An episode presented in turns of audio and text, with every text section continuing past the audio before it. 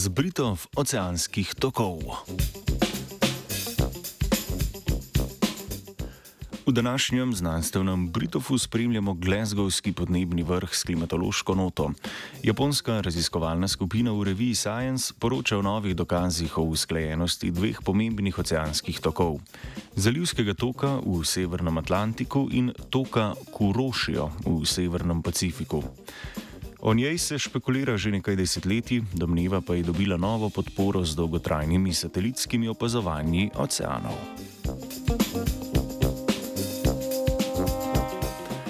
V 70-ih letih meritev anomalije površinske temperature morja so znanstveniki in znanstvenice najprej ugotovili značilno korelacijo med vzorci temperaturne anomalije s trajanjem vsaj 20 mesecev. Ta rezultat so na to poskusili reproducirati z uporabo več sofisticiranih klimatskih modelov. Pri tem so bili pozorni na to, na katere parametre so občutljivi modeli, ki pokažejo korelacijo. Nekateri denimo dopuščajo podroben opis vrtinčastih vzorcev v morskem toku na račun zgolj enostavnega opisa atmosfere. Tak model ni uspel opisati opažene korelacije, kot tudi ne drugi, ki natančno modelira atmosfero, vendar ne vključuje vrtinačastih tokov.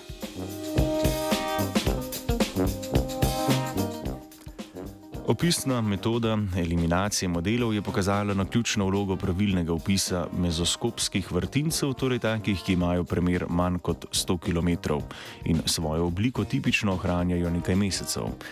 Ker zalivski tok in kurošijo ločuje kontinent, se močno domneva, da je medijatorski mehanizem za njuno usklajenost lahko samo jet stream, stalni vzorec močnega vetra v obliki tunela na višini okoli 10 km. Na podlagi teh informacij znanstveniki in znanstvenice sklepajo, da je za usklajenost odgovoren vpliv toplih ali hladnih površinskih vrtincev na izklapevanje in posredno na vzorce vetra.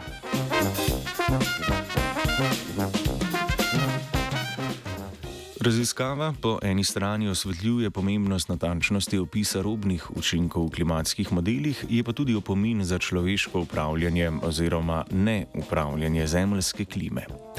Zalivski tok in korošijo tako močno vplivata na življenje v zelo gosto naseljenih regijah, saj nosita toplo tropsko vodo daleč na severno poloblo.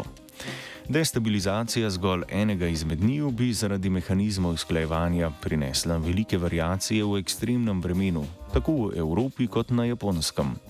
Poleg bivanskih nevšečnosti pa je s tem povezan tudi možen izpad prehrane, saj anomalne temperature morja močno vplivajo na donos ribogojnic.